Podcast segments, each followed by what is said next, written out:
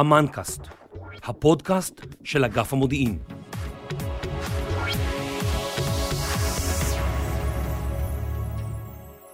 ברוכים הבאים לפודקאסט אמנקאסט. אני יובל מלכי, פרק מספר אחת, תולדות השי.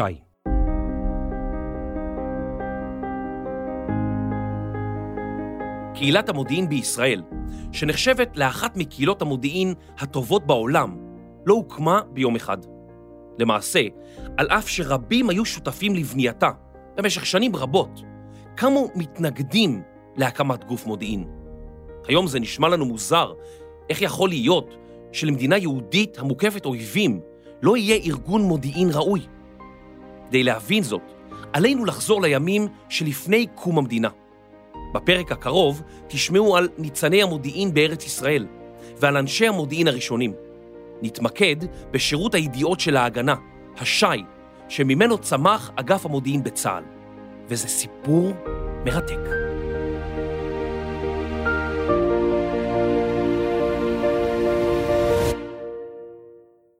מידע איכותי יכול להכריע בין הצלחה לכישלון, בין ניצחון להפסד. התובנה הזו הייתה הבסיס להקמת רשת המודיעין הראשונה בארץ ישראל, נילי, ראשי תיבות של נצח ישראל לא ישקר. בשנת 1915 היה העולם שרוי במלחמה, שנודעה לימים כמלחמת העולם הראשונה. ארץ ישראל הייתה בשליטת האימפריה העות'מאנית, טורקיה של ימינו. עשרות אלפי היהודים שחיו בארץ בזמן המלחמה סבלו מהתנכלויות מצד העות'מאנים, שהחרימו נכסים, הוציאו צווי גירוש ואף הוציאו להורג כל מי שנחשד בסיוע לאויב. כמה מאנשי היישוב היהודי החליטו לעשות מעשה ויצרו קשר עם הצבא הבריטי שנלחם באימפריה העות'מאנית.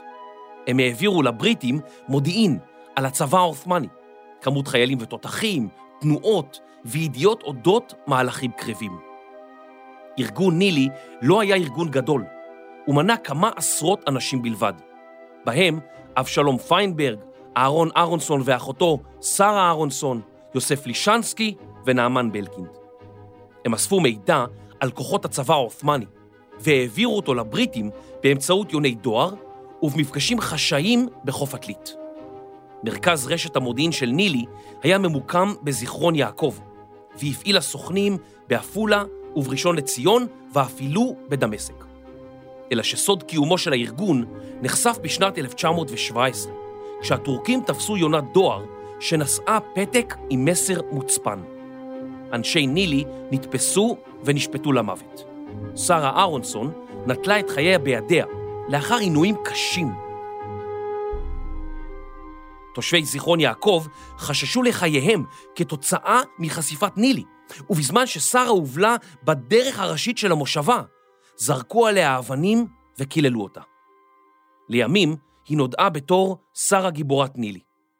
היסטוריונים צבאיים חלוקים עד היום בדעותיהם, עד כמה סייע המודיעין של נילי לצבא הבריטי בכיבוש ארץ ישראל.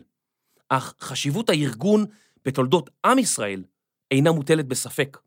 ארגון נילי היה רשת המודיעין הראשונה של יהודים בארץ ישראל בעת החדשה. רבים חשבו שריגול אינו דבר ג'נטלמני, והם ראו אותו כדבר מלוכלך. הדוקטור הלל יפה, למשל, כתב, יודע אנוכי שכל הממשלות מסתייעות בריגול. גם זה נשק. משלמים תמורתו בעין יפה, אבל אין מכבדים אותו. לא על יסודות כאלה חלמנו לבנות את ביתנו הלאומי בעתיד. לאחר מלחמת העולם הראשונה, הייתה ארץ ישראל נתונה תחת מנדט בריטי, והיישוב היהודי החל לעסוק יותר ויותר בסוגיות ביטחוניות. היישובים היהודים סבלו מגנבות רכוש וגם מאירועים אלימים מצד שכניהם הערבים, אך השלטונות הבריטים לא תמיד יכלו, וגם לא תמיד רצו, לסייע. בשנת 1920 הוחלט להקים את ארגון ההגנה, במטרה להגן על היישובים היהודים בארץ ישראל. חברי ההגנה היו ברובם מתנדבים. חלקם היו חברים בארגוני שמירה, למשל בר גיורא והשומר, שהוקמו שנים מוקדם יותר. חלקם היו משוחררי הגדודים העבריים, שפעלו כחלק מהצבא הבריטי במלחמת העולם הראשונה. כבר בשנה שלאחר הקמת ההגנה, התברר עד כמה נחוץ הארגון, וגם עד כמה הוא לוקה בחסר.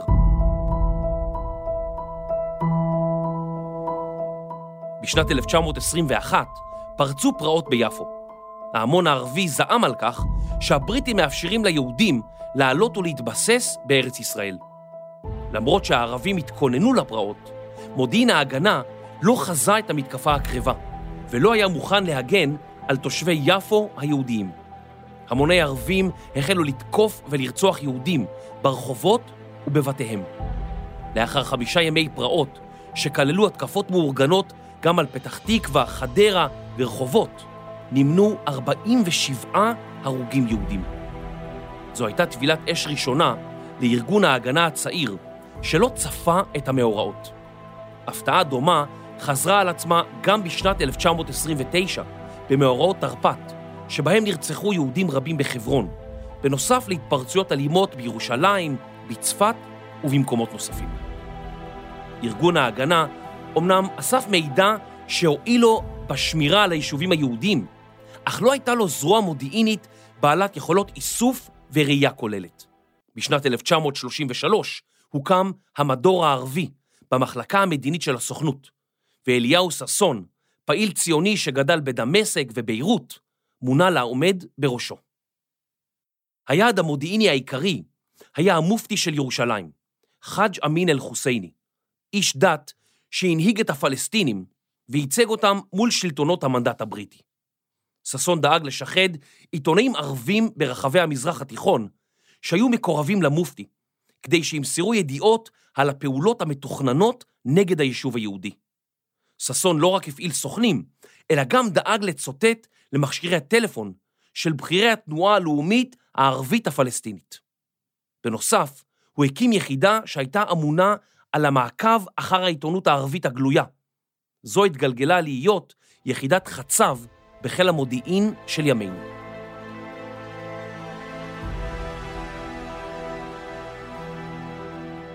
היחסים בין היהודים והערבים בארץ ישראל הלכו והידרדרו, עד אשר בשנת 1936 פרץ המרד הערבי הגדול, התקוממות אלימה נגד הבריטים ונגד היישוב היהודי. כיוון ששירותי המודיעין של אותם ימים היו בסיסיים ביותר, היישוב היהודי לא היה מוכן למרד, ופריצתו הפתיע את אנשי הביטחון של היישוב.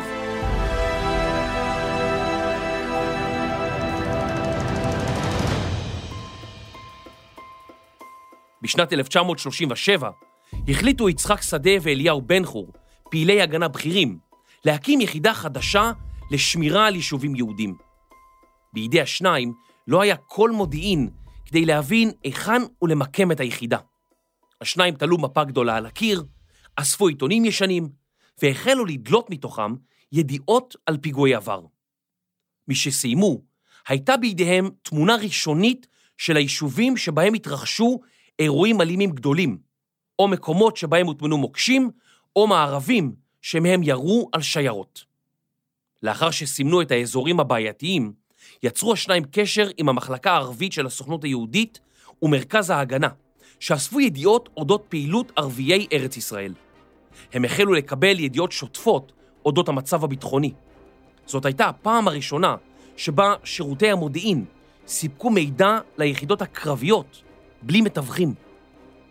נושא המודיעין הפך לבעל חשיבות, ומשה סמילנסקי, ממנהיגי היישוב, אף כתב: אין החייל, ואפילו לא חבר ההגנה, יכול ללכת לקראת האש, אם אין מרגלי חרש מסייעים לו, מאחוריו ומלפניו. בעיצומה של המלחמה העולמית, מלחמת העולם השנייה, בשנת 1940, הוחלט להקים גוף מודיעיני שיאחד את כל הפעולות המודיעיניות של ארגון ההגנה, יחד עם פעילות המדור הערבי של הסוכנות. כך קם שירות הידיעות, הש"י. הש"י הוכפף למפקדה הארצית של ההגנה, אך גם שירת את הסוכנות כגוף מודיעיני שפועל גם בהקשר הביטחוני-צבאי וגם בזירה המדינית-פוליטית. למפקד הש"י מונה ישראל זבדלובסקי אמיר, ובמשאביו המוגבלים היה עליו לגבש תמונה מודיעינית ביחס לבריטים, ביחס לערבים וגם ביחס לפורשים מארגון ההגנה. משימה לא פשוטה בכלל, אבל זה היה כאין וכאפס לעומת האתגר הבא.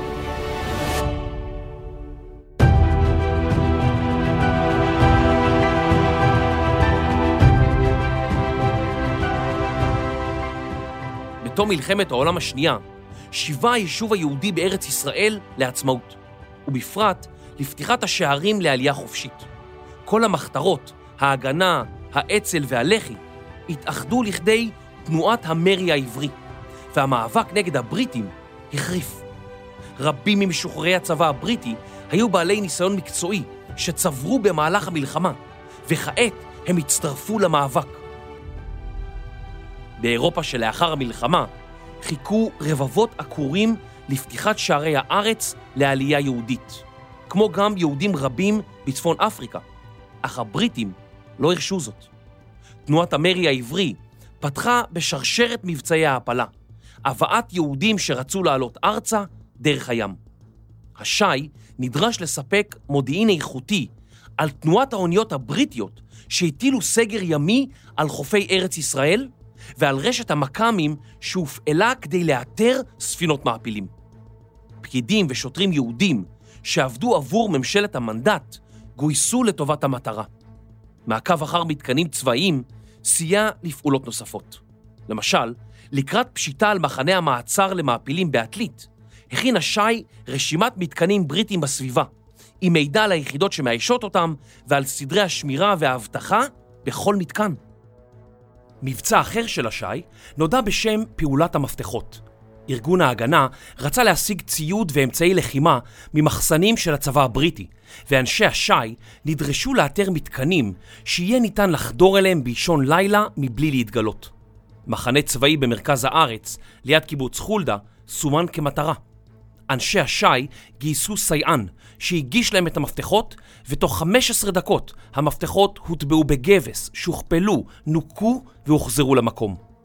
אלו היו ניצני היכולת הטכנולוגית של גופי המודיעין הישראלים. המאבק בבריטים נשא פרי, ובשנת 1947 כבר היה ברור שהמנדט מתקרב לסיומו. כהכנה לבאות, יושב ראש הנהלת הסוכנות היהודית, דוד בן גוריון, מי ששימש מעין ראש ממשלה של המדינה בדרך, נטל לעצמו את תיק הביטחון והחל להתכונן למלחמה. תשתית המודיעין כבר הונחה במהלך שנות ה-40. ארגון ההגנה ערך את הקורסים הראשונים לקציני מודיעין, למפקדי כיתות ולסיירים. תפקיד הסיירים היה קריטי לקראת הבאות. הם היו צריכים לסייר בין הכפרים הערבים ולאסוף כל מידע שנראה חיוני. על האוכלוסייה ועל המנהיגות המקומית, על קרקעות ובארות מים, על אנשי כנופיות אוחזי נשק, ואפילו על מספר מכשירי הטלפון ומקלטי הרדיו בכל כפר.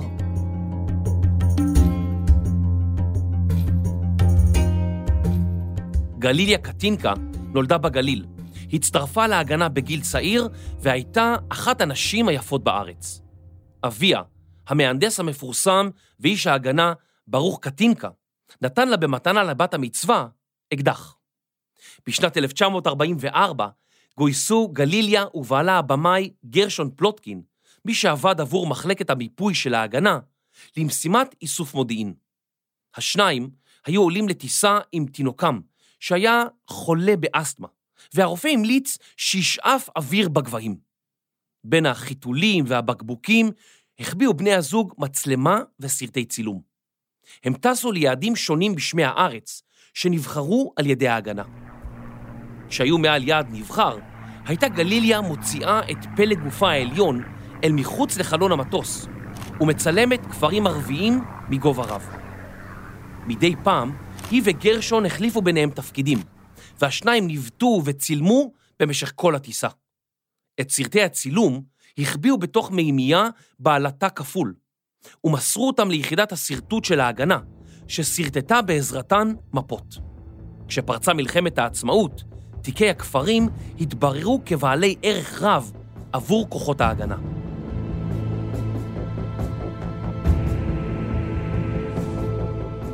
השי גם הפעיל יחידת מסתערבים, יהודים שעלו לארץ מצפון אפריקה או מארצות המזרח התיכון, והיו יכולים לבנות לעצמם סיפור כיסוי, כאילו הם ערבים מבטן ומלידה.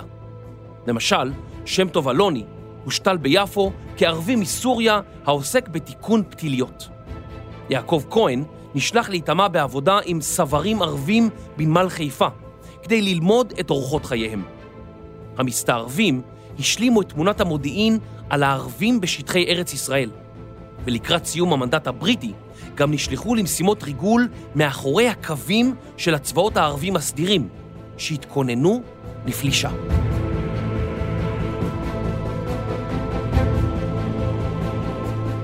החלטת החלוקה בעצרת האומות המאוחדות, האו"ם, ב-29 בנובמבר 1947, התקבלה בהתפרצות שמחה ביישוב היהודי. אלא שאחרוני החוגגים ראו למחרת את ראשוני הנופלים במלחמה, מלחמת העצמאות.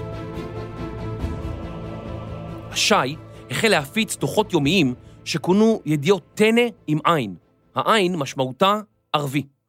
אוסף הידיעות עסק בהצהרות של המנהיגות הערבית ובפעילות הכוחות הערבים, ולעיתים גם בהתראות על כוונה להציב מערבים בדרכים או לתקוף יישובים יהודים. בנוסף, הוקמה יחידת מטה באגף המבצעים של ההגנה, ברשותו של יגאל ידין, והיא נועדה לשפר את הקשר שבין המודיעין לדרג המבצעי. זו הייתה ראשיתו של המודיעין הצבאי, כפי שאנחנו מכירים אותו היום. עם עזיבת הבריטים את הארץ, הוכרזה העצמאות של מדינת ישראל. מלחמת העצמאות נכנסה לשלב חדש, לא עוד מתקפות של כנופיות ערביות, אלא פלישה של הצבאות הסדירים של מדינות ערב, לבנון, סוריה, עיראק, ירדן ומצרים. בן גוריון חתם על הפקודה להקמת צבא. ארגון ההגנה הפך לצבא ההגנה לישראל, ובו השתלבו גם יוצאי המחתרות, האצ"ל והלח"י. חודש לאחר הקמת צה"ל, ובעיצומה של מלחמת העצמאות, ב-30 ביוני 1948, התקיימה ישיבת המטה האחרונה של הש"י. איסר בארי, ראש הש"י, כינס את המטה כדי לבשר על החלטת ראש הממשלה ושר הביטחון, דוד בן גוריון, לפרק את מטה הש"י ולהקים את שירות המודיעין הצבאי, תחת אגף המבצעים במטכ"ל. בארי אמר כי עד כה היינו שירות ידיעות. כעת אנו חייבים להיהפך לשירות מודיעין. לשירות המודיעין היה תפקיד חשוב בניצחון צה"ל במלחמת העצמאות. ברבות הימים הפך לאגף המודיעין ולחיל המודיעין המוכרים לנו כיום.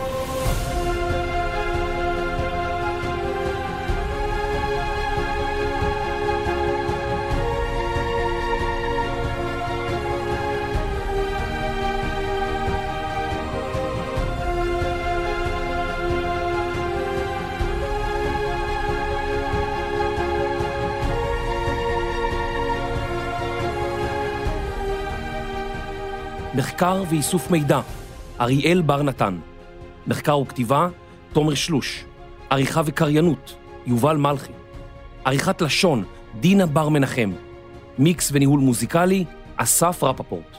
ייעוץ מקצועי, סגן אלוף במילואים, גדעון מיטשניק. ניהול הפרויקט, רני שחר. פודקאסט זה הופק על ידי מדור חינוך של אגף המודיעין. תודה שהאזנתם לנו.